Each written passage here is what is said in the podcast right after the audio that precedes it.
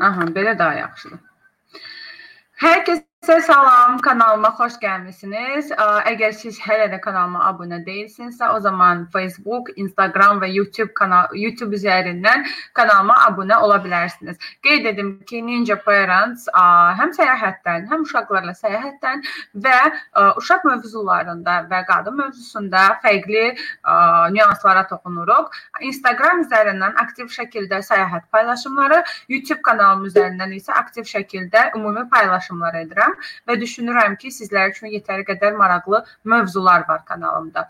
Bu gün isə çox maraqlı bir mövzu ilə qarşı-qarşıyayıq. Gördüyünüz kimi mənim bu yanağım şişibdi, çünki 2 gün əvvəl implant qoydurmuşam orta bir klinikasında və orada olarkən də ə, klinikanın rəhbəri ilə maraqlı söhbətimiz keçdi və qərara gəldik ki, əslində bir çox valideynlər körpələri ilə, uşaqlarının dişləri ilə bağlı bəzi nüanslarda ə, qaranlıq məqamları qalır.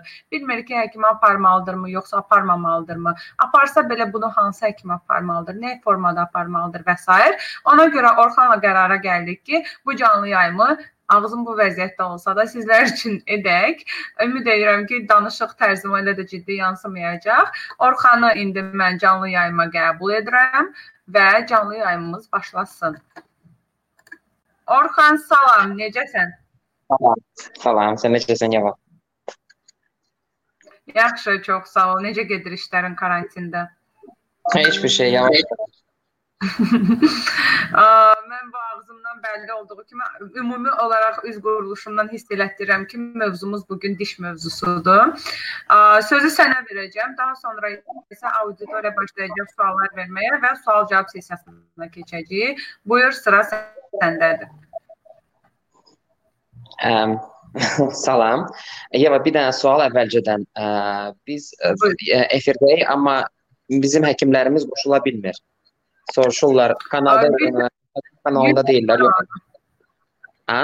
YouTube kanalına Ninja Parents, YouTube-da Ninja Parents ə, daxil olsunlar. YouTube-dan Ninja Parents daxil olsun. Okay.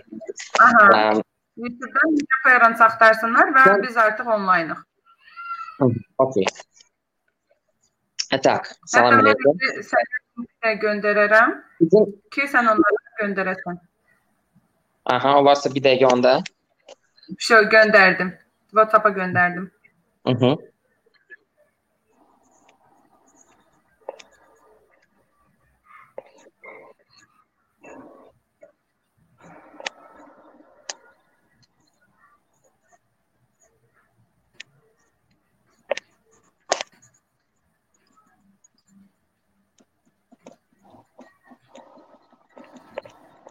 Tak. Mhm. Okey. Üzr istəyirəm. Tak, bir də salam. Ə, bizim bugünkü mövzumuz dişlə bağlıdır, uşaqlarla bağlıdır, düzdürmü? Aha, bəli. İndi əsas ə, belə bir mövzudur, çox belə açıq mövzudur əslində. Çox şey demək olar uşaqlar barəsində, amma əsas belə sualları bağlamaq üçün nə demək istəyərdim? Bir neçə mövzular var. Yəqin ki, indi mən bilmirəm hansı yaş məhdudiyyəti ə, məhdudiyyəti barəsində söhbət gedir.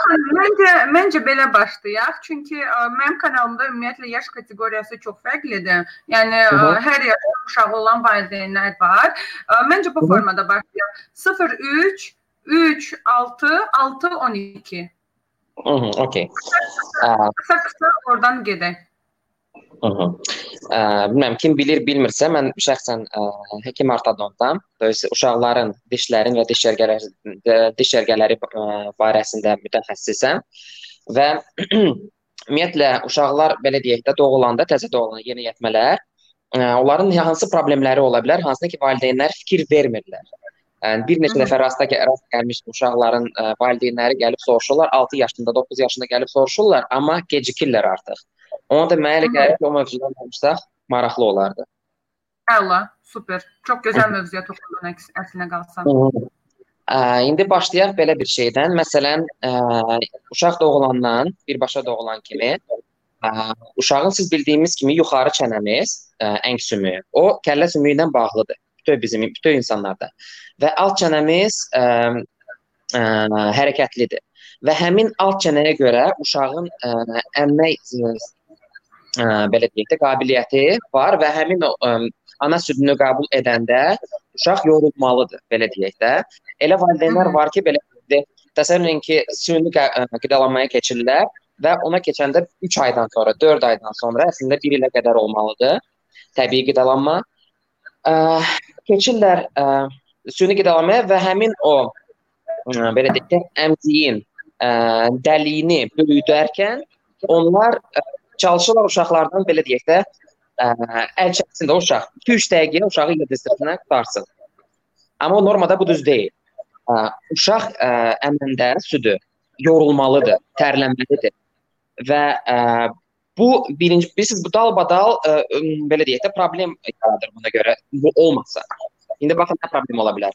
Məsələn, uşaq yorulmursa, tez əmirsə, ə, uşağın ə, orqanizmində, mədəsində yemək yığılır.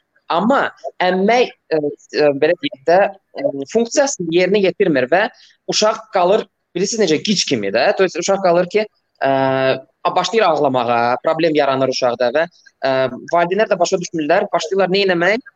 Uşağa əmzik verirlər, soska verirlər. Baxın, və bu da bu da keçir daha Necə? Elə o nüansa toxunacaqdım. Bax, məndə böyüyüm özü ə, ümumiyyətlə heç bir əmzik qəbul etməyib. Ona yaxın fərqli dillərdə, fərqli qiymətlərə, fərqli materiallarda, yəni belə deyim də 1 manatlıqdan tutmuş 25 manatlıq soskaya kimi almışam, heç birini qəbul etməyib. Amma balaca əksinə soskasız rahat qalmayıbdı. Və burada... uzağa getmək lazımdır. Məndə də bir qız var. Ə, böyüyü, ə, böyüyü ümumiyyətlə əmzik qəbul etməyib balacası hardasa bir 6 ay, 8 aya qədər ə, əmzisiz yatır. Təsəvvür elə. Mənim öz uşaqlarım. Amma böyüyü heç qəbul eləməyib, e, yeməyib də ümumiyyətlə. Amma balacası var idi 6 amma bilirsiniz, bu çox pis vərdiş yaradır pasiyentin ağzında. Pasiyent deyəndə mənim üçün pasiyentdir hər bir uşaqda. Çünki təsəvvür edin nə olur? Birinci növbədə siz bilirsiniz ki, Avent kompaniyasının xüsusi əmziyi var, hansı ki kəsilmişdi. Da tam belə yumru dairəvi deyil, -hı. Və o belə deyək, daha məsləhətlidir. Əslində mən həkim kimi soruşsaz, ümumiyyətlə əmdik də məsləhətli deyil. Çünki uşağın dişləmini dağıdır. Ə, yəqin ki, bilmirəm, hansısa valideynlər neçə dəfələrlə görüb ki, dişlər öndən başlayırlar açılmağa. O belə. Aha. Elə fakras bu ə, soskaya görədir. Və o olmadığına görə birinci növbədə valideynlər dözməlidir. 2-3 gecə yatmamalıdırlar, amma əmziyi yığışdırmalıdırlar. Aha. O üçün pis vərdiş yaranır. Açıq dişləm yaranır. Bu da avtomatik bir neçə dənə problem yarada bilər. Çünki həmin bu açıq dişləmə görə uşaq dilini başlayır qabağa çıxartmağa. Bu bir. Bundan sonra pis ə, nəfəs alma pozulur. Ə, sonra diş çənə belə qalxanda çənə başlayır daralmağa. Hələ ə, çox vacib bir ə, belə deyək də etap, bir, bir dövr etap yox. Bir çox vacib bir hissə hansına ki biz toxunmalıyıq. Burunla nəfəs almaq. Ona indi istəyirsiniz çataraq, yoxsa indi açıq dişləmə ayrı, ayrıca tutaraq? Mhm. Açıq dişləm nədir? Dişlər bağlıdır arxa hissədə, arxa hissədə. Öndə açıqdır belə, qabağa gəlir. O da əmziyə görə ola bilər, pis vərdişlərə görə görə ola bilər. Barmağını soğurur uşaq. Yoxsa daha böyük uşaqlar 6 yaşından sonra məktəbdə qələmi götürüb belə soğururlar, yoxsa yeyirlər, bilmirəm, Bunun hamısını aradan götürüb valideynlər fikir verib aradan götürməlidirlər mütləq. Orxan belə bir sual verim. Bəs əllərini yemə və yaxud da ki, dırnaq yemə, bunun dişlə hər hansı bir əlaqəsi varmı ağız quruluşuna, yoxsa bu sadəcə bir refleksdir? Hə, biri birinin nəticəsidir. Birinci növbədə Hı -hı. barmağını pasiyent uşaq barmağını uşaq yeyirsə, nəyəsə görə yeyir də, yenə də mən elə ona görə də əvvəlcədən başladım ki, uşaq deməli ə, e, təbii qidalanmasını normal keçirtmir. Normal dövriyyəsini ə, yerinə yetirmir. Və Hı -hı. orada da bir neçə dənə də ə, an var. Təsəvvür edin ki, ə, məsələn, təbii qidalanma olanda ana uşağı ya bir tərəfdə saxlayır, ya birisi birisi tərəfdə saxlayır, düzdürmü? Da belə danışaq da, o danışırıqsa, hər döşdən ə, uşaq yeməlidir. Bu, bu, bu bir. İkincisi, işte bu süni qidalanmadırsa, təsəvvür edin, sağ əlinə yazır, yetana pravşa sağ elədirsə, o götürüb bir tərəfdən saxlayacaq uşağı soska ilə. Düzdürmü? O da nə yaratır? Uşaqda avtomatik çənəs, alt çənəsinin deformasiyası yaranır. Çənəsi sürüşür bir tərəfə. Çəp dişləm yaranır aslında. Aa. Bunu hamısını qarşısını almaq elə e, birinci növbədə belə deyək, simptomatik yoxdur, nəticəni yox. Birinci növbədə ə, səbəbini səbəbini yırtmaq lazımdır. Bu bu halda səbəbi elə anası özüdür. Mhm. Vot, ona görə. Bəs belə bir şey soruşum. Ümumiyyətlə belə bir ə, proqram və yaxud da yer varmı ki, deyək ki, məsəl üçün ə, ana olmağa hazırlaşan insanlar və yaxud da ki, artıq an, ə, anadırlar, amma körpə çox körpə yaşdadılar. Yəni onlara məlumatlandırıcı bloqlar mı desəm və yaxud da ki, yəni sırf ortodontun və stomatoloqun dilindən. Yəni məsəl üçün deyək ki, mən də yaza bilərəm uşaqlarımın diş inkişafını, amma mən sənin qədər gözəl və sənin qədər izahatlı yaza bilmərəm və elmi tərəfindən yaza bilmərəm ki, bu nədir, necə olmalıdır? Belə bir platforma varmı ümumiyyətlə hardan ki, bu məlumatları əldə edə bilərlər? Yəqin ki, var. Mən belə bir şey, bilirsiniz necə? Yəni belə bir şey fikir verməmişəm. Əslində biz özümüz onu yar yarada da bilərik. Yarada nə, nə nə cür demək olar? Məsələn, belə sual-cavab kimi. Ə, burada nədir əslində? Frequently asked questions-dır da məsələsi də, fakt-dır. Ə, belə deyək, bu sualları indi dalbadal cavab versək, indi hamısını orada 90% informasiya bağlanır. Çünki mən rast gəlirəm ki, valideynlər sadəcə bilmir ki, məsələn, uşaq nəfəs almalıdır burnu ilə bu həddindən artıq vacibdir. İndi onu da gəlib çatırıq yavaş-yavaş. Bu indi onu da izah eləyəcəm. Sadəcə onu bilmirlər. İndi biz bunu mən bunu desəm, millət biləcək də. Yəni.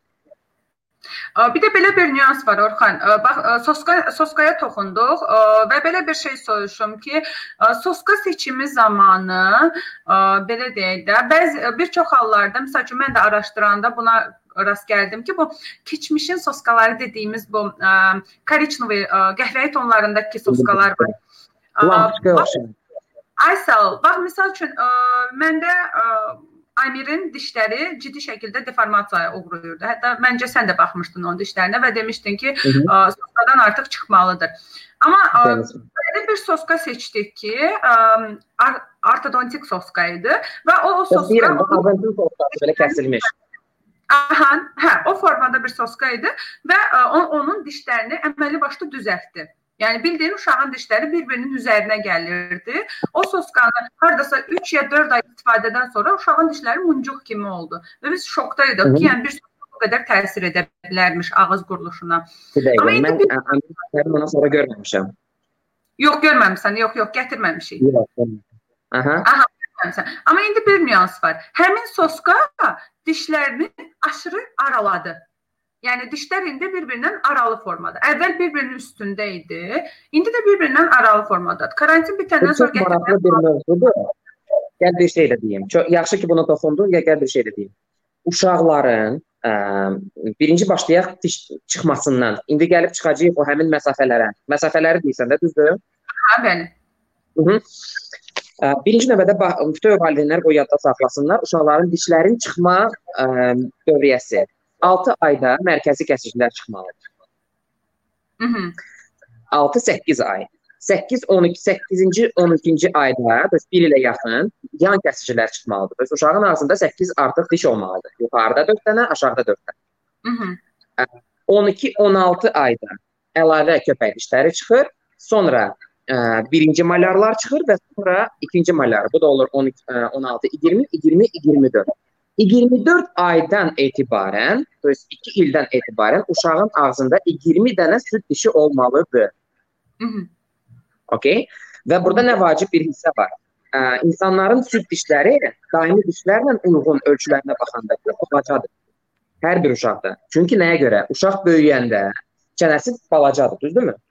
Amma bizim gözlərimiz və bizim dişlərimiz ə, ə, böyüyər, uşaq ə, insan böyüyərkən böyümür. Ümumiyyətlə e, doğulduqdan necə götürür e, uşağın bilirsiniz də uşaqların şəkillərdə şəkillərdə uşaqlar baxın bu boydan gözlənir. Və gözlər böyümür. Burun böyüyür, sifət böyüyür, kəllə böyüyür, əl, ayaq, barmaq, hər bir şey böyüyür bir də dişlərdən və gözlərdən başqa. Mhm. Və dişlərin süd dişləndə, süd dişləndə və biz deyirik müvəqqəti hindi dişləndə də daha belə belə deyək, daha peşəkar sözdür. Müvəqqəti dişləm. Ə, həmin bu müvəqqəti dişləmdə 20 dənə diş olmalıdır süd dişlər və Hı -hı. onların arasında mütləq və mütləq məsafələr olmalıdır. Hı -hı. Ha, onda o zaman normal.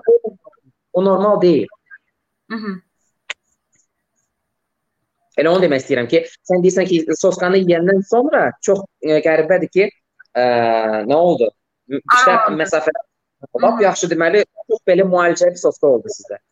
Aa, şu, buna çok sevindim çünkü e, belə deyək də, düzdür o soskanı 4 ay istifadə edəndən sonra elə bir günün içində də atdı. Yəni e, belə bir məqalə oxumuşdum ki, soskanı necə atdırmaqla bağlı və e, bir çoxlarında deyilirdi ki, blogerlərin belə deyək də, xarici blogerlərin dişə soska atma şeylərində deyilirdi ki, məsəl üçün bir həftə və daha uzun çəkir bu proses. Amma orada qeyd edilir, qeyd etmir ki, heç bir bloger ki, bu uşaqdan asılı olaraq individualdır.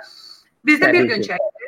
Bizdə bir gün çəkdi. Yəni soskanı götürdüm, qayçı ilə kəsdim. Bunu bizə səhv eləmirəmsə sən demişdin ya Ziba xanım demişdi. Düz düz yadımda qalmaya bilər. Demişdi ki Yəqin ki, Ziba xanım demişdi. Çünki dedi ki, soskanın başından kəsirsən, o artıq ondan iyrənəcək və öz soskası kimi görməyəcək onu. Və zaten elə birinci dəfə Hə, birinci dəfədən də iyrəndi və dedi, yox, istəməyə, istəməyə belə elədi və fişo, getdi ondan da. Belə sual idi. Orxan Novruzov ə, e, sual verir. Salam doktor, oğlumun 4 yaşı var və qabaq dişləri çürüyüb artıq. Həkim dedi bu dişlərin hamısı töküləcək. Bilmək istərdim.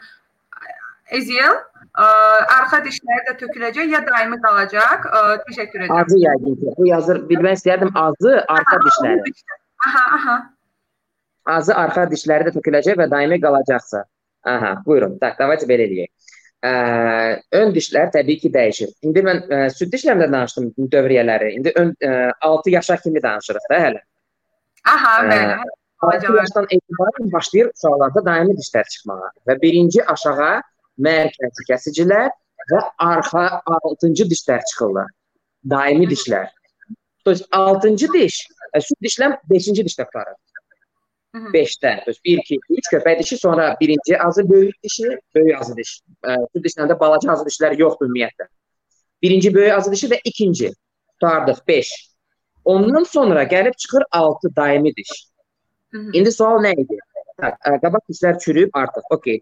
Çürüyübsə, təbii ki, dişlər uşağı ağrıtmırsa, to есть narahat etmirsə, elə hal olur ki, məsələn, orada pulpit uşaqlarda pulpit olmur da. To есть sinirin ə, iltihablaşması ə, pulpit deyirəm də, hə. Ə, pulpit olmur. Bir birbaşa periodontitə keçir. İndi mən istəmirəm terminlərlə başınızı çürüd, başınızı ağrıdım. Sadəcə demək istəyirəm ki, elə hal olur ki, uşaq ə, dişin, sinirin ə, ağrımasını hiss etmir. Və diş çürüyürsə, təbii ki, o dəyişiləcək. Amma burada vacib bir hal var. Siz ə, yavaş olmalısınız. Nəyə görə? Çünki süd dişi çürüyür və onun Ə, kökü də var axı, düzdür? Kökü də çürüyür. Yeva sən burdasan? Alo. Yeva.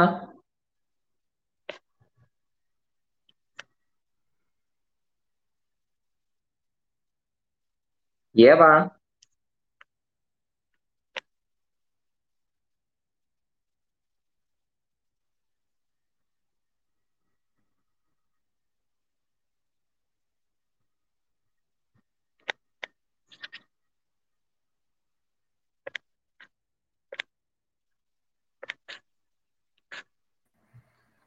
Связи nету.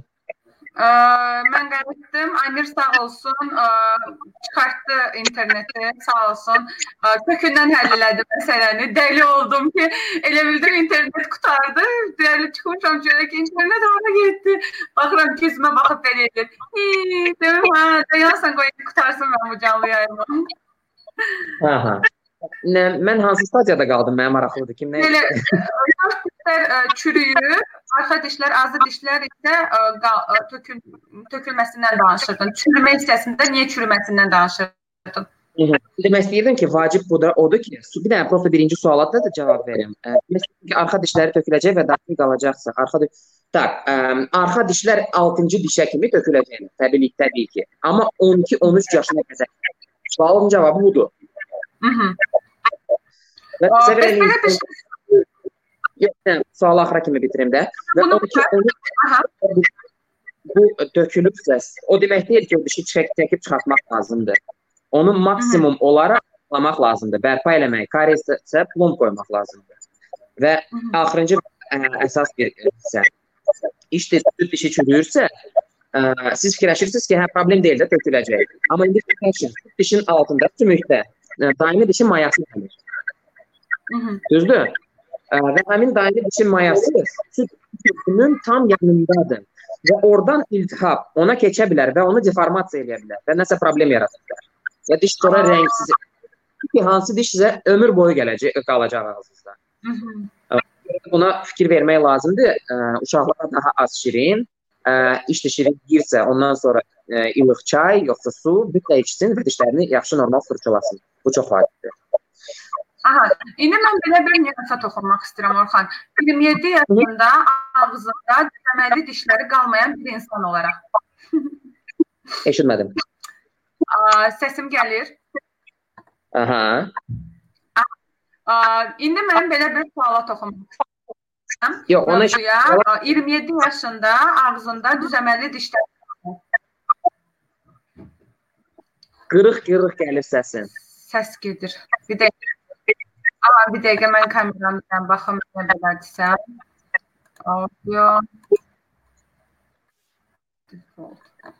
İndi səsim necə gəlir? İndi səsim necə gəl? Gəlir? Hə, indi eşitdim. Okay. Deməli, 27 yaşında ağzında bir dənə də öz dişi qalmayan bir insan olaraq, daha doğrusu çox az sayda öz dişi qalan bir insan olaraq sənə belə bir sual vermək istəyirəm. Bax, bax, ümumiyyətlə bu diş prosesləri genetik bir şeydirmi və bir də ki, ə, nə etmək lazımdır ki, ə, uşağın elə körpəliyindən çox sağlam dişləri olsun. Yəni bax mənim kimi mən məsələn dişlərimdə dişlərim çox zəifdir, damağım çox zəifdir. Nə qədər müalicə edirəm, aylıq, illik, 6 aydan bir, nə bilim nə, qarışıq təsir eləmir və mən başa düşürəm ki, vaxtında mənim dişlərimin üzərinə düşməyiblər. Yəni vaxtında bu müalicələr, körpəlikdən bu şeylər aparılmayıbdı. Və məsəl üçün bir ana olaraq indi istəmirəm ki, mənim körpələrim də bu problemlə üzləşsinlər 27 yaşına çatanda. Nə etməliyik? Birinci növbədə, okey. Birinci növbədə sual o idi ki, ə, bu irsidir ya yox, düzdürmü? Mhm. Genetikada mən bir şey deyim, ən birinci irsin irsindən uşağın irsindən çox vacibdir. Çox şey asılıdır. Həddən artıq vacibdir. Bir şey deyim, təsəvvür edin ki, mənim qrup yoldaşım idi. 50 yaş şəhərində. Və Səudi Ərəbistandan Əhməd. O bizim e, gəlmişdi və birinci kursdan 6-cı kursa bizlə oxuyurdu. Dişləri hamısı ağappaq, mıncıq kimi 32 dişi də ağzında idi. Ə, amma bu insan dişlərini fırçalamır. Bir də bu adam dəyişir. Dərinə. Və ancaq saqqızlarla. Deyir ki, mən saqqız çeynirəm, mənə bəsdir. Elə bir söhbət idi. Hə. İndi bunun irsi çox güclü idi. Başa düşürsən nə demək istəyirəm? İrsi və ə, ekologiya, onun o yaşadığı ölkənin ekologiyasına həddindən artıq çox şey asılıdır. Bizim ha, Azərbaycanda Bakıda və indi təsəvvür eləyin ki, e, ekologiya tərəfi. Sonra endemik zonalar var. Endemik zona nədir? Ə, təsəvvür edin ki, məsələn, Şəkidən pasiyentin çoxsundan ə, çoxsunda dişlərində fluoroz olur. Belə ağ ləkələr dişlərində. Hı -hı. Olsa hansısa bir rayon olsun deyək də. Məsələn, onlarda uşaqlar həm təb ə, suda fluoron ə, tərkibi çoxdur. Eşidirsən? Orxan, sən zəhmət olmasa nauşniki tax. Səndə ə, qulaqçıq yoxdur deyə çox echo verir. Məndə kompüterdir, sən deyəsən telefondur. Bir dəqiqə. Okay. Onda dayandır məni istəyirsən. Bir dəqiqə qayıdıram. Aha, tamamdır. Hələ ki Orxan gələnə qədər ə, bu formada davam edək. Əgər suallarınız varsa yazın. Ə, mən istəmirəm ki, təkcə mənim ə, mənə maraqlı olan sualları cavablandırmış olsun Orxan və eyni zamanda söhbət bu formada getsin. Aktiv şəkildə sual-cavabda iştirak edin ki, sizə qaranlıq qalan nüansları da ə, cavablandırmış olsun Orxan. Ə, düşünürəm ki, yetər qədər maraqlı canlı yayım gedir və ə, və bu tip ə, belə deyək də tərzdə sual-cavab sessiyaları heç də hər zaman ə, alınmır, tapılmır və yaxud da ki, belə ətraflı cavab verən bir mütəxəssis olmur. Ona görə sual-cavabda aktiv olun. Orxan qayıtdı. Buyur Orxan. Dəqiqə.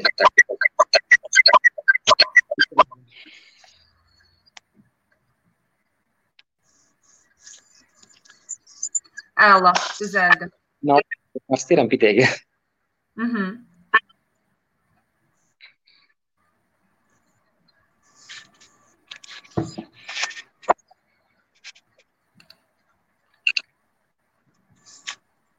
Yeva bir şey de. Eşidirəm bizi. Ə, gəlmir. Bir dəqiqə. Mhm, tamam.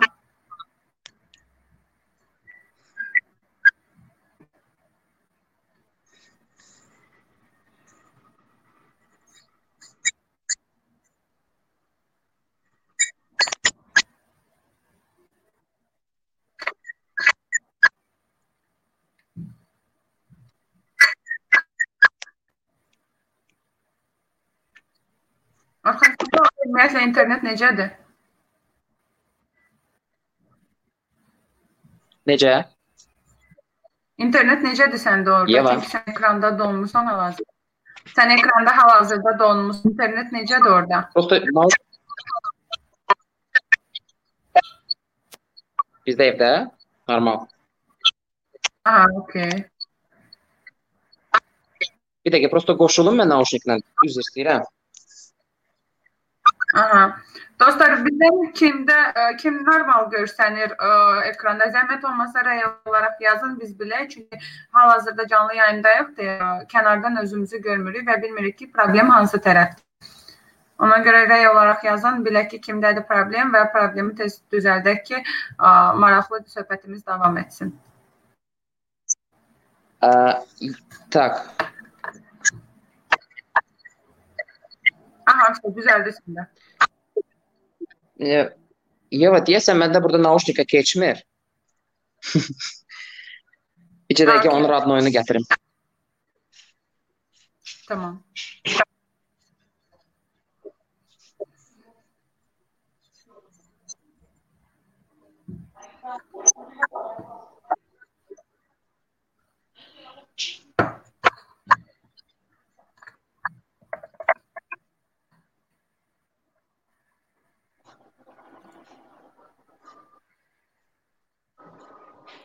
Bu arada yeni gelenler için diyeyim ki ağzıma implant koydu, diş, damağıma implant koyulduğuna göre ağzım bu vəziyyəti və bu tərəfə doğru əyilib işləkdi.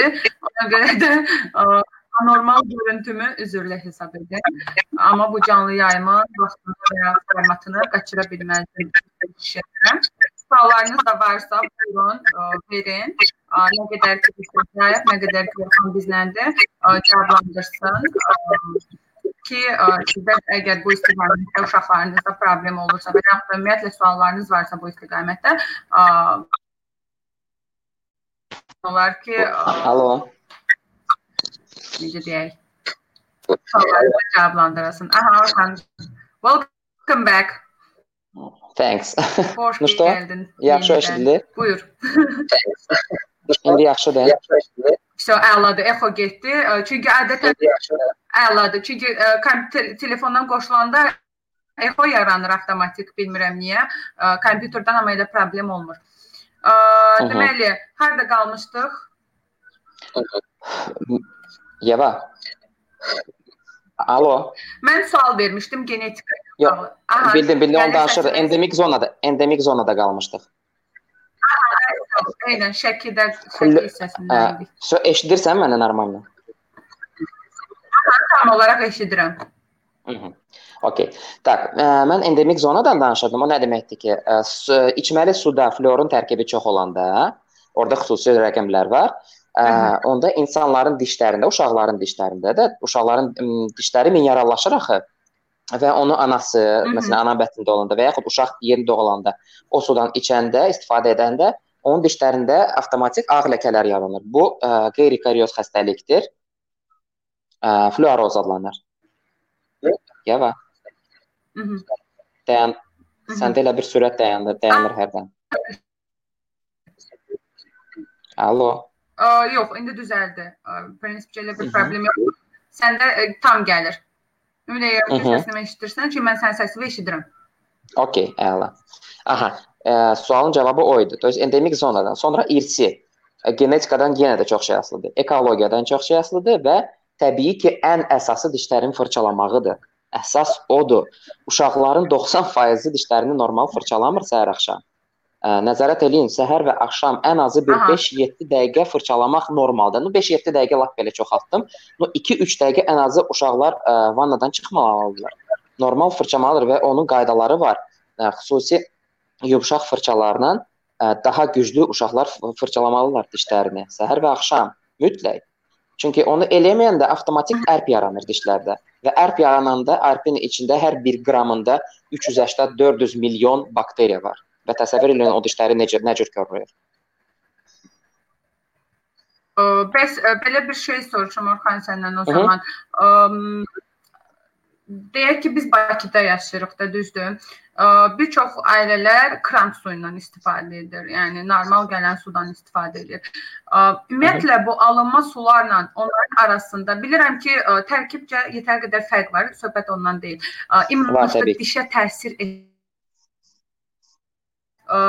belə deyək də seçərkən nəyə diqqət etməlidir? Suyun tərkibini ümumiyyətlə mən indiyə kimi baxmamışam. İndi səndən söhbətdən sonra gedib evimizdəki suyun tərkibinə baxacağam ki, nə nə nə nə nə var. Ümumiyyətlə belə bir şey Bakı, var. Bakıda yoxdur elə bir şey. Fluoroz problemi Bakıda yoxdur ümumiyyətlə. O xüsusi zonalar olur. Aha. Mhm. Ona görə narahat olma. Okay. Təbii ki, kran suyu baxanda Yeva bax, deməli, kran suyu Mən ümumiyyətlə bizdə krantdan başqa filtr dayanıb evdə. Və filtrdən filtrlər cürbəcür ola bilər. İndi təbii ki, bu filtr reklamı deyil, amma hətta bizdə də mənim evimdə də filtr var. Təbii ki, belə kran suyuna mən də çox inanmıram. Hətta kran, belə deyək də, filtr suyunu biz qaynadıb sonra içirik. bu bir. Sonra ə, suyun tərkibində təbii ki, minerallar olmalıdır tam distillə olunmuş suyu heç kəs içmir axı O da çox problem yaradır da insan orqanizmində. Minerallar olmalıdır, amma baxır nə qədər orada ə, artıq şey də var da, təbii ki. Təbii ki, filtrlər var da, o filtr problemləridir. Məsələn, filtr məsələsidir. Okay. Prinsipcə bu da aydın oldu. Yoxsa belə su bir... belə olsun da, baxır hansı kompaniyanın suyunu alırsan. To есть, to есть üzr istəyirəm, sözünü kəsdim. Da but butulkada su alanda Baxır hansı kampaniyadır, məsələn, belə deyək də Azərbaycanın suyu olsun, bilmirəm, başqa ə, ölkənin suyu olsun. Ə, onun dadından da hiss eləyirsən fərqi. Bir də Orxan belə bir nüans var. Hı? Bax, ə, mən bunu şəxsən yaşadım. Yəni mən dişlərimdən bilirsən ki, necə şikayətçi insanam da. Yəni ümumiyyətlə sevmir. Yəni bədənimdə ən, ən sevmədiyim yer haradır? Dünəmək olaraq deyirəm ki, ağız boşluğum, heç sevmirəm dişlərimi. Və belə bir nüans var, bax. Mən çox qısa bir müddətli Avstriyada təhsil almışam, 8 ay müddətində. Və mənim Krems Avstriyada Krems Universitetində və mənim 8 ay müddətində Avstriyada qalanda ağız boşluğumla bağlı heç bir problemim olmadı. Əlavə olaraq da dişlərimin möhkəmləndiyini hiss etdim. Yəni məsələn görməmiş kimi mineral su, təbii su, çox belə təbii tərkibdə su tapmışdım deyəkmi? Ya nəsə bilmirəm, amma belə deyim də xüsusi bir şey eləmirdim təbii ki. Sadəcə oranı belə deyim də burada 3 manata aldığım pastanı orada 15 manata alırdım. Və bir də ki, bilirsən də Avstriya suyu ümumiyyətlə e, top 10-luqdadır, səhv eləmirəmsə təmizliyinə görə və bir də bu. Bilirəm, içmişəm. Bilmirdim. Yəni bunun təsiri mən bir şey deyim. Sənin sualının cavabı ancaq bir sözdür. Ekologiya. Ekologiya. O e, şey, şeydə Afaq Bəşir qızı deyir. Ekologiya dedikləri budur. Yəni tamamilə bu şeydir mövzu budur. Bir də belə bir nüansa toxunmaq istəyirəm. 6 yaş üzərinə keçməmişdən öncə körpə yaşdakı uşaqlara breket qoyulurmu? və yaxud da ki, təşxis olunmur. Yəni belə deyək də, uşağın ağız boşluğu bərbad gündədir. Onda körpə yaşlı uşaqlara necə müdaxilə olunur və ümumiyyətlə müdaxilə olunurmu? Ə, bax, bunu mən demişdim, hələ onu ə, toxunmamışdıq o mövzuya. Ə, bracket, birinci bracket o çıxmayan aparatdır. Çıxmayan. O da Hı. ancaq uşaqların, şəxsən mən həkim kimi onu ancaq pasientlərimə 12-13 yaşından sonra qoyuram. Nəyə görə? Hı -hı. Çünki mənə lazımdır ki, daimi 7-ci dişlər çıxsınlar. O da olur 12, 13, 14 yaşında normada. Ə, və çox pasientlərin valideynləri bracket sözünü plastinkalara deyirlər. Plastinka nədir? Çıxan aparatlar. Ay sağ ol. Ə, bracket çıxmayan aparatdır. O mıncıq kimi dişlərə yapışdırırıq və o qalır ağız boşluğunda 2 ilə qədər, ola bilsin çox, ola bilsin az. Pasientdən pasientə fərq var. Amma ə, plastinkaları biz belə deyək də, mən şəxsən plastinkaları biz uşaqlara başlayırıq etibarən 6 ay 6 ildən 6 yaşdan etibarən taxırıq. Ə, 6 yaş 6 yaşdan tez etmirik, amma xüsusi belə deyirlər, miovestibulyar plastinkalar var. O nədir? O ə, belə deyək də, hazır ə, əvvəlcədən hazırlanmış, to есть biz plastinka uşaqlara eləyəndə biz onun ölçüsünü götürürük. Çünki 6 yaşdan əvvəl uşaq qoymaz ağzından ölçü götürməyə də. Təsəvvür edin ki, o ölçü materialını qaşıqda qoyuruq ağız boşluğuna, 40 saniyə ərzində o quruyur. Təbii ki, ə, qədim vaxtlarda gipsdən onu eləyirdilər, təsəvvür elə. Ə, və bir 20 heç çox da yox, 90-cı illərdə. İndi uje xüsusi materiallar var, hansını ki 40 saniyə ərzində o quruyur, çıxardırsan hazır. Amma 6 yaşdan balaca uşağa sən onu eləyə bilməzsən. No eləyə bilərsən, uşaqdan uşağın fərqi var, amma hazır deyillər onlar. Ona görə baxır Bizimkilərlə müqayisədə deyim ki, belə eləyə bilərsən, amma Amirə heç bir halda eləyə bilmərsən onu. Hətta deyirəm də uşaqdan uşağa fərq var, təbii ki. Ona görə də ümumiyyətlə hamısı bu 6 yaşdan etibarən başlayan prosesdir. Bir də nə demək istəyirəm? To plastinkaları qoymaq. Amma yenə baxır uşaqda sən deyirsən bərbad vəziyyətdə də. İndi baxır nə bərbad vəziyyətdə axı? Çünki çox şey ola bilər. Məsələn, yuxarı çənənin darlığı ola bilər. Yenə də qayıdaq o nəfəs almaq məsələsinə. Uşaqlar doğulanda mütləq ə, valideynlər tövsiyə kimi mütləq ə, baxmalıdırlar ki, uşaq mütləq ağzı bağlı yatmalıdır və ağzı bağlı nəfəs almalıdır. Çünki ağzı bağlı nəfəs almırsa, baş beyniniz partlayacaq. Nəyə görə? Təsəvvür edin gör nə qədər problem yaranır. Uşaq ağzı ilə nəfəs alırsa, yanaqları ilə yuxarı üst çənəsini, ən sümüyünü sıxır. Ən sümüyü iki hissədən ibarətdir. Bir ki, mən məcburam telefonu saxlayım əlimdə. Çünki naushnika görə. Hı -hı. Belə qoyum. İndi hə iki sümüyə görə, e, iki tərəfdən ibarətdir həmin sümükdə və ə, e, ortada biz deyirik ə, e, orta ə, yum, orta damaq tikişi keçir, sutura palatina. Və o uşaqlarda 18 yaşına qədər qığırdaqdan ibarətdir. Və biz məcburuq, o, biz deyəndə uşaq nəfəs ağız ağzı nəfəs alanda başlayır yuxarı çənəsini sıxmağa, avtomatik dar, çənə daralır və gedir yuxarıya. Təsəvvür eləyirsən də və də, belə deyək də damaq gedib girir burun boşluğuna. Daha da pisləşir vəziyyət. Söz pasiyent burnu ilə nəfəs alırdısa, belə kafi, Təsəvvür ki, ümumiyyətlə nəfəs almayacaq. Və ona ona görə də bizim bizim müalicəmiz nə olacaq? Yuxarı çənəsini genişləndirməyə. Amma birinci növbədə pasiyent lor həkiminə getməlidir. Da valideynlər lor həkimindən baxmalıdırlar ki, ola bilsin artıq ət var, ola bilsin ə, adenoid, yoxsa nəsə varsa ki, tanzilektomiyanı eləmək lazımdır elə hallarda. Ona görə birinci növbədə lor həkim və ancaq sonra biz. Və ona görə deyirəm nəfəs alma həddini artıq çox vacibdir. Bəs Orxan, belə bir şey soruşum ə, səndən. Hı -hı. Ondan sonra da digər yaş kateqoriyasına keçək. Ə, diş həkimi seçərkən ə, bilirsən ki, son dövrlər artıq uşaq stomatoloqları da trendə daxil olur. Yəni bundan əvvəl ay uşaq xüsusi uşaq stomatoloquna aparım uşağımı deyə bir şey yox idi. Yəni tanıdığın stomatoloqa uşağı aparırdın. Amma indi ə, çox gözəl bir marketinq eləyirlər stomatoloqlar. Bu mənim çox xoşuma gəlir. Məsəl üçün ə, sizin ə, belə deyək də klinikanda o cəhətdən çox bəyənirəm ki, uşaq girəndə başını gözünə ilişəcək ona aid tərzdə oyuncaqlar var. Və bu uşağın qorxusunu biraz da azaldır. Amma bir şey Təbii var. ki, bu çox vacibdir. Mhm. Aha, amma bir şey var da, belə deyək, məsəl üçün valideyn xüsusi bir uşaq stomatoloq yerləri bilmir və heç bir tanışı yoxdur ki, bilsin ki, uşağını hansı həkimə aparmalıdır, həkim həkimə gedəndə necə olmalıdır bu həkim, nəyə oxşamalıdır. No məcazi mənada. yəni bu bildim, bildim. Necə təyin edə bilər ki, hə bu stomatoloq uşağının ağzını pis günə qoymayacaq? Yəni hansı ключевой suallar var və yaxud da momentlər var ki, anlar var ki, hə ona əsasən valideyn başa düşəcək ki, hə bu stomatoloq o stomatoloqdur.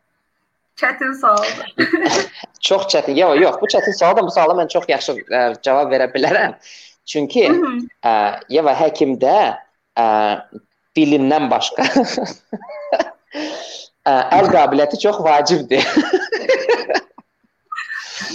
Çünki e, mən çox həkim tanıyıram, hansı ki Facebook-la, Instagram-la həddindən artıq çox reklam eləyir. Konfranslara gedib girişirlər, şəkillərə gedirlər şək hər şəkildə birinci şə ə, də, sırada oturub şəkil çəkirlər. Ancaq ki, ə, belə deyək də, reputasiyalarını qaldırsınlar. Amma həkimin əsas reputasiyası bilirsən nədir? Həkimin əsas reputasiyası odur ki, pasiyent ondan razı getsin. Mən başqa bir reputasiya başa düşmürəm. Çünki sən orada gedib konfransda özünü göstərirsənsə, konfransa sən özün üçün gedirsən. Mən şəxsən nə qədər konfranslara getmişəm indiki ə, vaxta kimi də 200-dən ola bilsin çoxdur. İnan ki, bax axırıncı 3-4 aydır biz Instagramımızla məşğuluq. Ondan əvvəl heç mən Instagram heç bir şey tanımırdım, heç nə eləmirdim. Ə, çünki indiki zamanədə sosial media vacibdir. Yox, söhbət ondan getmir. Amma demək istəyirəm ki, o qədər konfranslara getmişdim, çoxdandan indi nə qədər Amerikadan tutmuş Avropa, Avstraliyaya qədər. İndi onu mən heç yana heç yanda göstərməmişəm. Çünki özüm üçün gedib öyrənirəm. Və ключевой suallar sən deyirsən. Ключевой suallar ola bilməz. O ola bilər ki, sən həkimin danışığını ə, belə deyim, həkim dediyi sözləri ə, e, həkimin hərəkətindən qaçmamalıdır kənara. Sən belə deyək də, kişi dediyi sözü kimi də ə, e, çünki elə və eləsi var ki, çox danışır, amma ə, e, nəticə yoxdur müalicədə. Aha. Yoxsa məsələn, sən necə hər bir şeydə bu da tibdir. Tibdə çox şey fərqli ola bilər. Məsələn, həkim söz verə bilər ki, dişin ağrımayacaq, amma diş ağrıyacaq. Düzdür? Və özən özün 2 belə deyək də, 2 gün bundan qabaq implant qoymusan, düzdürmü? İndi sualım odur. Bizim doktorumuz Fariz doktor, ə, sənə dedi ki, dişlərin ağrıyacaq. Dedi ağrıyacaq, sızlayacaq. ne, neçə gün, neçə gün demişdi. Mənə dedi ki, 2 gün ciddi ağrı olacaq. Yəni necə Hı -hı. ciddi ağrı? Dedi ki, ə, dişivi çəkdirmisən və yeri biraz normaldan biraz daha çox sızlayır. Elə də oldu və ona uyğun da dərmanlar yazıb və düzəltmişəm. Məsəl üçün mən biraz dərmana qaçan adam deyiləm, açığın deyim də. Məsəl üçün ağrıya dözərəm lutşu, amma bədənimə əlavə dərman qəbul etmək istəyirəm. Hə, ona görə məsəl üçün mən dirəndim ə, ki, yox, mən bu ağrıya dözəcəm falan filan. Amma canım çıxdı, məcbur oldum o dərmanı içməyə ki, ağrım keçsin. Çünki diş ağrısı özün də bilirsən ki, adamın beynini yerindən oynadan bir ağrıdır. Timboli İkinci, ikinci güclü ağrıdır. Qulaq qulaq ağrısından sonra. Hə, və Timboli təsəvvür ki, karantin müddətində iki uşaqla ə, bu prosesi daha da çətinləşdirir. Amma demişdik ki, 2 gündən sonra düzələcək, qarqaraya başlayacaqsan, sızlama tamam Hı -hı. yox olacaq və hal-hazırda da elədir. Məsəl üçün bu gün dərman içməmişəm artıq. 3-cü gün. Ay sağ ol.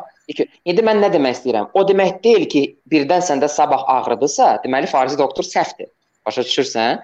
Çünki ə, belə deyək də 1% ehtimal ola bilər. Bilirsən bu necədir? Bu belə bir şeydir ki, doğrudan Azərbaycanda çox vacib reputasiya bir momenti var. Amma hansı reputasiya? Sən pasiyentdən pasiyentə eşitməlisən ki, o sənə desin ki, bilirsiniz mən getmişəm məsələn. Ə, xoşuma gəlib. Özdə bir dənəsindən yox, iki dənəsindən yox, üç dənəsindən yox. Amma burada vacib bir şey var. Bizim səhifəmizə bir dənə bir dənə pasiyent yazıb ki, Fariz doktor mənim ə, məsələn dişimi müalicə eləyib, amma dişim ağrıyır. İndi bilirsən Yeva, çox neadekvat bir adamdır nəyə görə? Çünki ə, ona Fariz doktor dedi ki, sizin dişiniz ağrıyacaq, çünki siniri çəkmirəm. Mhm. Düz həkim çalışır siniri çəkmədən dişi müalicə eləmək. Elə hal olur ki, orada bir 30% ehtimal var ki, dişin e, orqanizmin e, orqanizm özü biz deyirik ikincili dentin yaradır və sənin dişin saf qalır. Dost sinir çəkilmədən təsəvvür eləyirsən də. Ə, amma elə həkim var ki, başını ağrıtmır. Sayır özünü super həkim, gedir o dişin sinirini çəkir, birbaşa sən o dişin ağrımayacaq dünyasında. Başa düşdün də? Yox, ağrıya bilər təbii ki. Orada periodontit yaransa lap ciddi problemə keçsə. Amma yenə diş ağrısı, həmin o dişdən pulpit ağrısı olmayacaq. Çünki sinirini çəkib.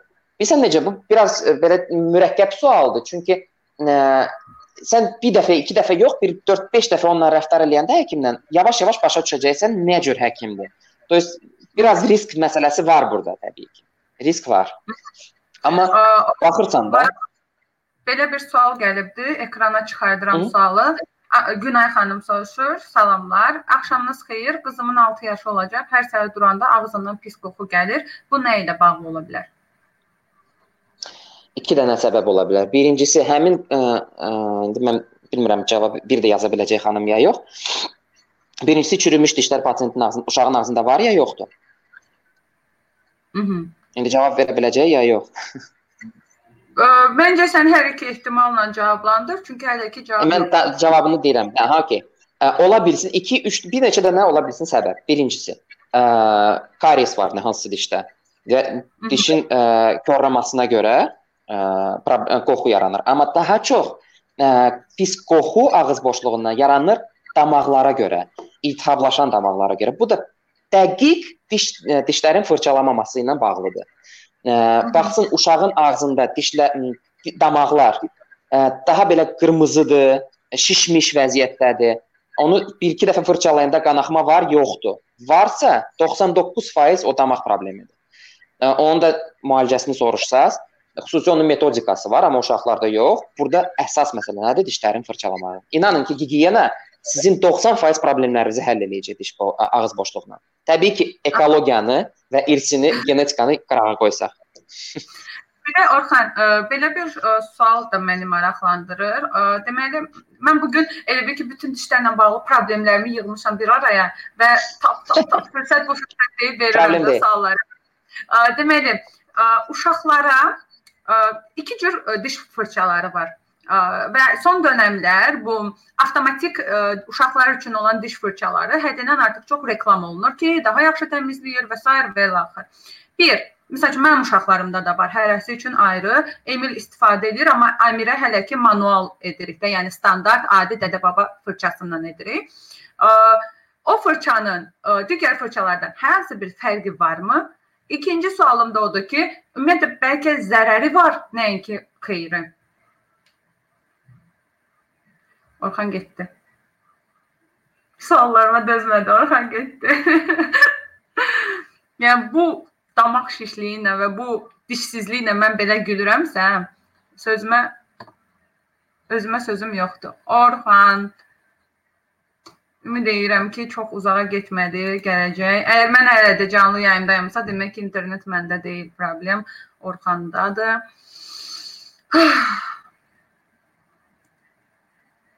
Canlı yayımı edəndə ən zəhləm gedən şey budur. Orxan hətta çıxdı. Canlı yayımlar edəndə, ələl xüsusda kompüter üzərindən və YouTube kanalında ən ciddi problem bu olur internetin gücü kifayət etmir. Çünki karantin dövründə zəng edirsən ki, interneti düzəltdirəsən. Deyirlər ki, xanım üzrlə hesab edin, bütün Bakı evdədir.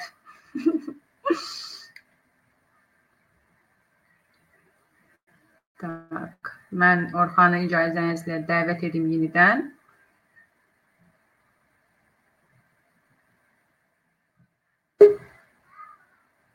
Aha, qayıtdı Orxan. Orxan, xoş deyəsən, gəldin yenidən. Deyəsən mənim Wi-Fi-ım atdı getdi. İndi keçdim ə, mobil internetə. Ha, okey. Xanım yazdı cavab. Yazdı ki, hə, dişində çürük var. Damaqları normaldır. Okey də deyirəm, iki bilmirəm hansı momentdə mən qaldım. hansı momentdə mən qaldım? Ə, belə bir ə, conversation öyrəşməmişəm. Əslində pasiyent həmişə qarşımdadır. Onu bütün suallar verə bilərəm. Ya da telefonda ən azı. Ə, okey. Çürük varsa ola bilsin onluqdur. Birisi səbəbləri qaldırmaq lazımdır, aradan qaldırmaq lazımdır. Çürük varsa getsin plomblansın onu, plomblasın onu. Hı -hı. Belə bir sual, sualım bayaq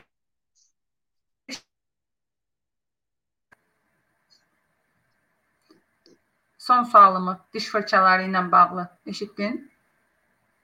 Mhm. Nə eşitmirsən hal-hazırda? Əvvəlini əvvəlini eşitdim. Aha, ə, e, yəni belə deyim də, avtomatik diş fırçası mı yoxsa manual diş fırçası mı və ə, e, ümumiyyətlə avtomatik diş fırçası zərərlidirmi? Zərərlidirsə niyə? Ə, Ondan sonra da bir daha bomba sualım var. davay belə bir şey deyək də. Ə, Məsələn, avtomatik diş fırçası ə, uşağın ə, uşağın və yaxud valideynin və yaxud kimin olur olsun, ə, sən ə, işini yüngülləşdirir. Əslində sən özün normal fırçalayırsansa, fırçalayırsansa 2-3 dəqiqə ə, ərzində xüsusi yollarla da baxır. Ə, belə var, fırçalamaq, zəif fırçalamaq olmaz. Belə oyun oynamaq ağız boşluğunda olmaz. Normal bir fırçalamaq lazımdır qüvvə ilə. Ə, təbii ki, fırça yumşaq olmalıdır bu zaman ki, mina qatına problem yaratmamaq. Ə, uşaqların da fırçaları hamısı yumşaqdır. Amma yenə də deyirəm, irrigator və yaxud bilmirəm, olsun ə, avtomatik fırçalar, bu hamısı это отление. Я так считаю. Mənim fikrimdir ki, ə, tənbəllikdəndir. Çünki sən necə saxlayırsan bzzz, özü hər şey, amma bir şey də var. Orda ultrasəs ə, ultrasəslə daha yaxşı fırçalayır belə deyir də. Amma inanın ki, siz özünüz fırçalasanız normal, dədə-baba qaydasında. İnanın ki, irrigator sizə və yaxud avtomatik fırçalar lazım olmayacaq. Bu hamısı marketinqdir. Bəli, ona o sahədə olan biri olaraq bunu çox gözəl başa düşürəm və hər dəfə də bu marketinq olduğunu bilirəm. Heç bir fərqi olmadığını bilirəm. Amma yenə də alıram və başa düşərək alıram. Bir var ki, insanlar məsəl üçün başa düşmədən, marketinq bilməyən insanlar və s. var ki, mən bu işin içindəyəm. Mən başa düşürəm ki, bu marketinqdir və buna görə də satış əldə edilir və yenə də alıram. Növbəti sualım da Amma yenə də işdə belə deyək də doğrudan danışaq. İşdə sən belə deyək, ə, açıq ə, açıq səmimi. İşdə tənbəlsənsə, axot yoxdursa onu belə fırçalamaq, belə prosta saxlayırsansa, nəsə öz fikirlərinə gedib nəsə fikirləşirsənsə, irrigator daha önəmlidir. Avtomatik fırça daha önəmli. bir də belə bir nüans, körpə yaşlı uşaqlara, yəni 6 yaşa qədər olan uşaqlara pasta seçimi zamanı nəyə diqqət etməli? Pasta seçimi zamanı. Hmm. Bu çox çox çox çətin bir sualdır. E, çünki pasta seçimi zamanı marketdə həddindən artıq çox pastalar var. Və ə, a? Eynən, yəni çox az bir seçim var və baxır bir şeydir. Qiymətləri orada... bir-birinə çox yaxındır. Yəni bilirsən ki, Yenə də mən hər hansısa bir ə, belə deyək, pastadan danışmaq istəmirəm. Ə, sadəcə olaraq deyərəm ki, baxır hardan siz o pastanı alırsınız. Bu bir. Ə, sən özün deyirdin, yadındadır da, ə, Avropada istəyirsən hansı pastanı alırsan, fərqi yoxdur. Amma burada nə vacibdir? Sən soruşdun vacib nə? Əslində cavab budur ki, fərq yoxdur. Belə də ə, həqiqətən Azərbaycanca nə cür deyim, belə ə, belə ciddi ciddi fərq yoxdur. Fərq təbii ki var. Yenə deyirəm. İşte pasiyent endemik zonadadırsa, məsələn Şəkidə, məsələn də, məsələn ha deyirəm, ola bilsin Qəbələdə də hardadır. Və orada fluorun tərkibi çoxdursa və siz ə, fluorlu ə, pastanı, mə mə məcununu seçirsinizsə, bunu olmaz. Təbii ki, çünki siz həmin o fluorozu, xəstəliyi daha da sərtləşdirəcəksiniz ciddi, daha ciddi formasına keçirəcəksiniz.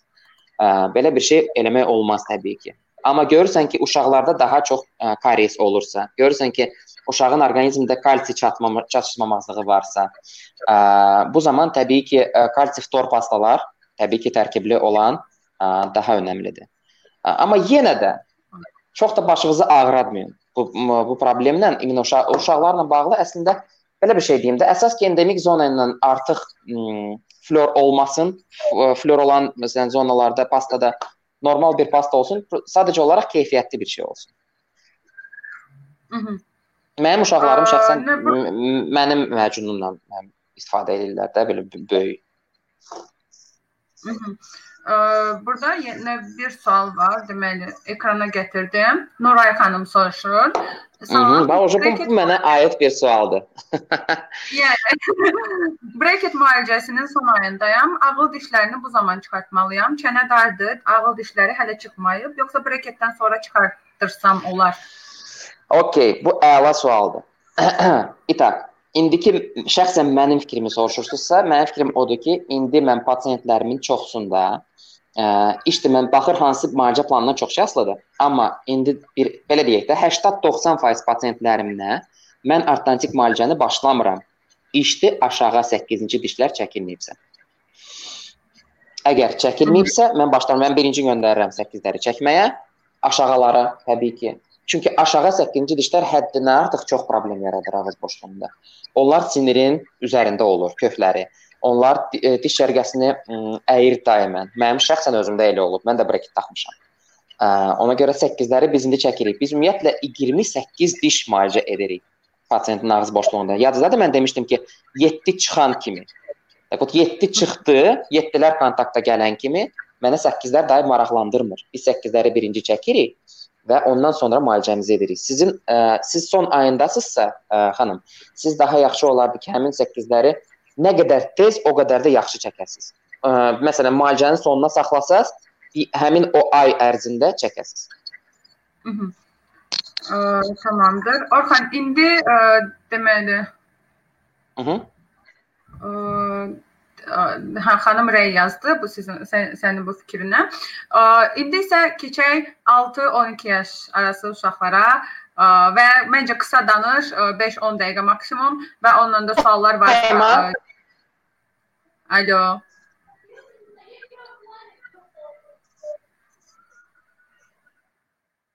Səs gəlir, səsim gəlir. Yox da yenə getdi. yəni mən ə, e, ayrıca xətt açdıracağam canlı yayımlarımı eləmək üçün ki, hər bir ə, e, sistem xətası olmasın. Orxan eşidirsən məni, görürsən məni? Qarışmış çıxmışdı. Mhm, buyur. Eşidirəm. Hə, ə, deməli, belə bir sual soruşum o zaman. Bununla bağlı çox qısa danışsan olar. Kiminsə sualı varsa versin və ondan da artıq canlını yekunlaşdıraq. 6-12 6-12 yaş uşaqlarda dişlər Nə, sual nədir?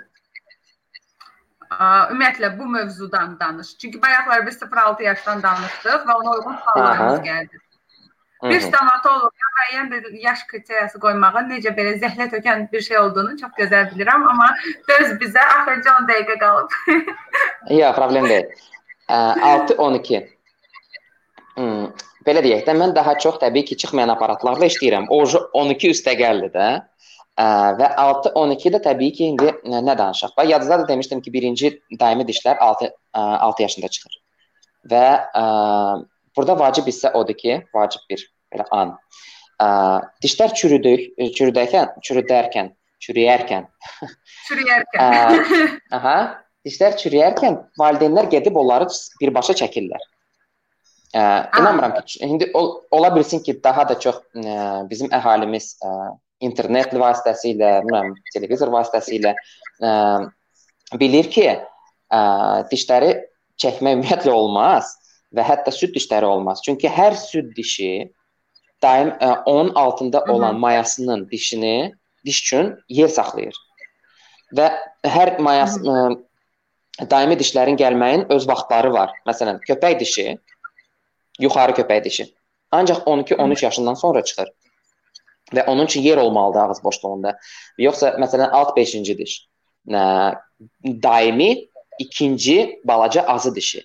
O çıxanda onun üçün ə, ikinci böyük azı dişi süd dişləmdə çürü, çürüdüsə, onu götürüb valideyn çəkibsə, təsəvvür edin ki, 6-cı diş bu daimi dişdir. Bu da 5-dir, balaca. Balaca deyəndə böyük əslində. Bu həmin 5-i çəkdin, getdi. Düzdür? Bu da 6 qalır. Həmin bu 6 başlayır 5-ə doğru əyilməyə. Və əyilirsə, eşidirsən məni? Kəsilmədi ki səs. Qulaq asıram. Mhm. Yox, yox, yox, sadəcə aha, və aha və təbiət boşluğu sevmir. Ümumiyyətlə təbiət boşluğu çalışır bağlasın birbaşa və təsəvvür edin ki, diş çəkilərkən çəkdisə, biz bunu çəkdik. Bu əyilir ona doğru. Gəlir 4-cü dişə dəyir. Bax belə. Və rentgenda da bunu biz bunu görə bilirik. Və orada da aşağıda da diş var, daimi diş. Hansı ki çıxmaq çalışır, amma yer onun üçün yoxdur. Qalır problem. Ə, ona görə də dişləri erkən olaraq çəkmək olmaz. Çalışın maksimum maksimum onları ə, nə demək, bərpa eləmək, plomb qoymaq. İşte çürüyüblərsə. Təbii ki, elə hal olur ki, plomb qoymaq mümkün deyil. Dişləri çəkib, amma burada ortodontun nəzarətində uşaq olsa lap rahat olar. Çünki xüsusi aparatlar var, balaca belə halqalardır. Taxırıq yandakı dişə, ə, space maintainer adlanır məsələn də. Space maintainer to ə, məsafənin saxlayıcısı tərcümə. Boşluq saxlayan. boşluq saxlayıcı, bəli. Və dördüncü dişə doğru daxil saxlayır onu. İşte o həmin dişdə məsafə qalır. Diş üçün məsafə qalır, yer qalır. O birisi də öz vaxtı gələndə rahat çıxır. Bu bir vacib bir hissədir 6-12 yaşda uşaqlarda. Sonra çənələr. Deyim? Yox, yox, yox. Deyim, yoxsa vaxtımız az qaldı. Çənələrin münasibəti. Aha. Çənələrin münasibəti də çox vacibdir. Söhbət gedir profildən baxanda, alt çənə qavağa, yoxsa yuxarı çənə qavağa gələndə ə, bu problemlər ciddi bir problemdir təbii ki və ə, inanın ki, hədd çox böyük məsələn ə, çənə çox böyük böyükdürsə, məsələn alt çənə və yaxud ən sümük çox qabaqdadırsa, ə, bu ola bilsin cərrahi bir ə, müalicə lazım olacaq uşaqda 18 yaşından sonra təbii ki. Amma ə, uşaqlıqdan biz çalışırıq ə, çənələrin inkişafını 6 yaşdan sonra xüsusi plastinkalar qoyuruq, braket yox, plastinka, hansı ki çənə arası ə, münasibətləri normal vəziyyətə gətirir. Bu vacibdir. Çünki biz bunu qoymasaq alt çənəsi uşaqda məsələn böyüməlidirsə irsi böyük qabağa çox.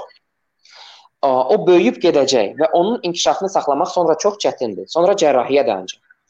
Və ona görə də yoxsa yuxarı çənə çox gəlibsə qabağa, yoxsa çox arxada arxadadırsa, alt çənə normaldırsa, pasiyent yenə də belə göstərəcək. Amma yenə də alt çənənin böyük olmağı ancaq alt çənənin təqsirinə görə olmayacaq. Başa düşürsüz? Bəs yuxarı çənədə balaca olsa, eyni şey görsənəcək pasiyentin ağzında. Ona görə bizdə diaqnostika vacibdir. Biz rentgenləri eləyib baxırıq yan tərəfdən, xüsusi bucaqlar var orada. Onu ölçəndən sonra biz qərara gəlirik, aha, burada alt çənə təqsirkardır və yaxud yuxarı çənə təqsirkardır, çox balacadır. Bu zaman biz yuxarı çənəni stimullaşdırırıq, gətiririk önə. bir sual. Əsas məqamlar budur. Deməli, e-, ekrana gətirdim. 5-7 aylıq ə, qabaq 2 və alt 2 dişi çıxıb, sonra isə 4 azı dişi çıxdı. Hal-hazırda yuxarıdan 3-cü diş çıxır. Bir sözlə qanuna uyğun çıxmır. Pediatr normal sayır. Sizin fikriniz maraqlıdır. Tak, 1 yaş 7 ay. Qabaq 2 və alt 2 dişi çıxıb, sonra 2, sonra isə 4 azı dişi çıxdı. Yan kəsicilər demək istəyirsiniz, yoxdur. Qabaq 2, yoxsa mən bilirsiniz nəyə başa düşmədim? Qabaq 2 demək istəyir, ancaq belə 2 və 2 yoxsa 1 2 bura. To есть 4 dənə söhbət tar Mhm. Ə, əslində bu normal bir şey deyil, çünki yan kəsicilər hardadır? Onlar mən yadınızdadır nə vaxt demişdim? Ə, ikinci olaraq çıxmalıdırlar da növ növbə ilə.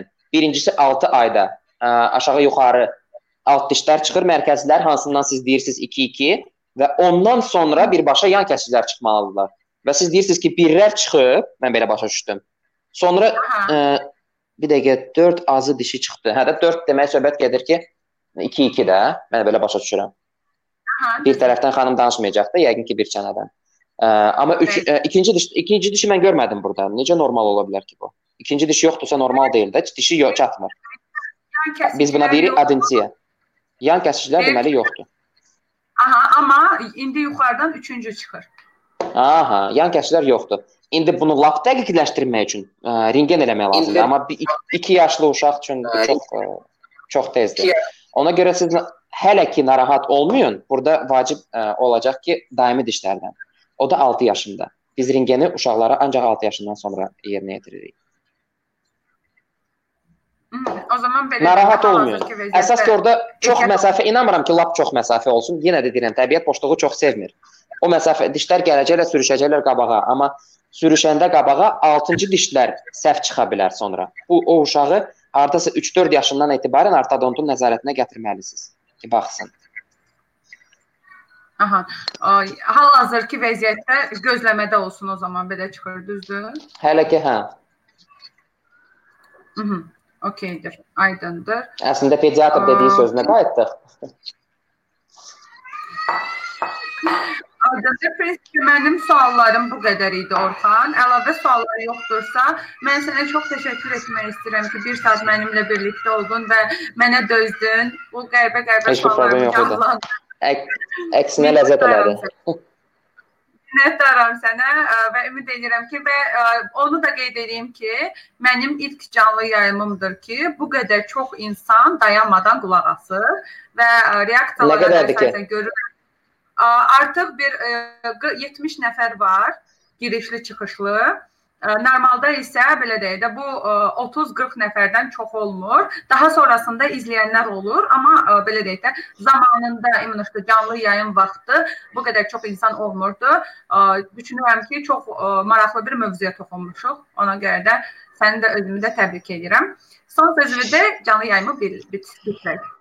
Ə, çox sağ olun. Heç bir şey, ə, nə suallarınız olarsa biz yenə də təşkil edə bilərik canlı yayımı da başqa suallarla bağlı daha çox mənim daha ürəkli mövzum proyektlərdir. Təbii ki, proyektlə müalicədir. Daha yeni yeniyetmələrdə yox. Oja 12, necə mən demişdim, üstə gəl, 12-dən çox. Uşaqlarda və heç bir fərq yoxdur. 25, 35, 45 yaş olsun Ə, əsas mənim sevdiyim mövzular odur. Amma bu mövzuda çox belə bizim suallar çoxdur bununla uşaqlarla bağlı. Ona görə razılaşdım da bunu ə, müzakirə eləməyə. Tak что çox sağ ol Yeva. çox maraqlı idi. Sizin ə, klinikanın adını da yazıram burada, çünki maraqlananlar var. Ə, mən elə klinikanın adından indi Yox, mən klinikanın adından indi ə, qoşulmuşam. O görsənmir? Ə, yox, o görsənmir. Okay. O görsənmir ona görə orta orta bir klinikasıdır. Hətta burada ünvanı da yazanlar oldu. İzmir küçəsi 9C Avropa oteli ilə üzbəyiz. Çox təşəkkür edirəm Orxan. Növbəti canlı yayımlarda görüşənə qədər hələlik səni artıq canlı yayımdan çıxardıram. Dostlar, qeyd edeyim ki, bu gün biz uşaqlarda diş problemlərindən danışdıq. 0-3 yaş, hətta 0-6 yaş elədik onu. 6-12 yaşlı uşaqlarda diş problemləri, bracket, daha doğrusu breket yox, plastinka imiş və uşaqların dişlərinə düzgün qulluqdan danışdıq. Əgər sizə maraqlıdırsa, mən canlı yayımı bitirdikdən sonra yenidən qulaq asa bilərsiniz. Çox maraqlı söhbətimiz oldu. Növbəti canlı yayımlarda görüşənə qədər bu arada qeyd edeyim ki, 6-cı günü, şənbə günü saat günorta vaxtı 2 ya 3 arasında elan edəcəm öncədən. Vəfa Əli qonağım olacaq və mövzumuz qadınlar olacaq. Ona görə növbəti canlı yayımda görüşmək üzrə. Hələlik.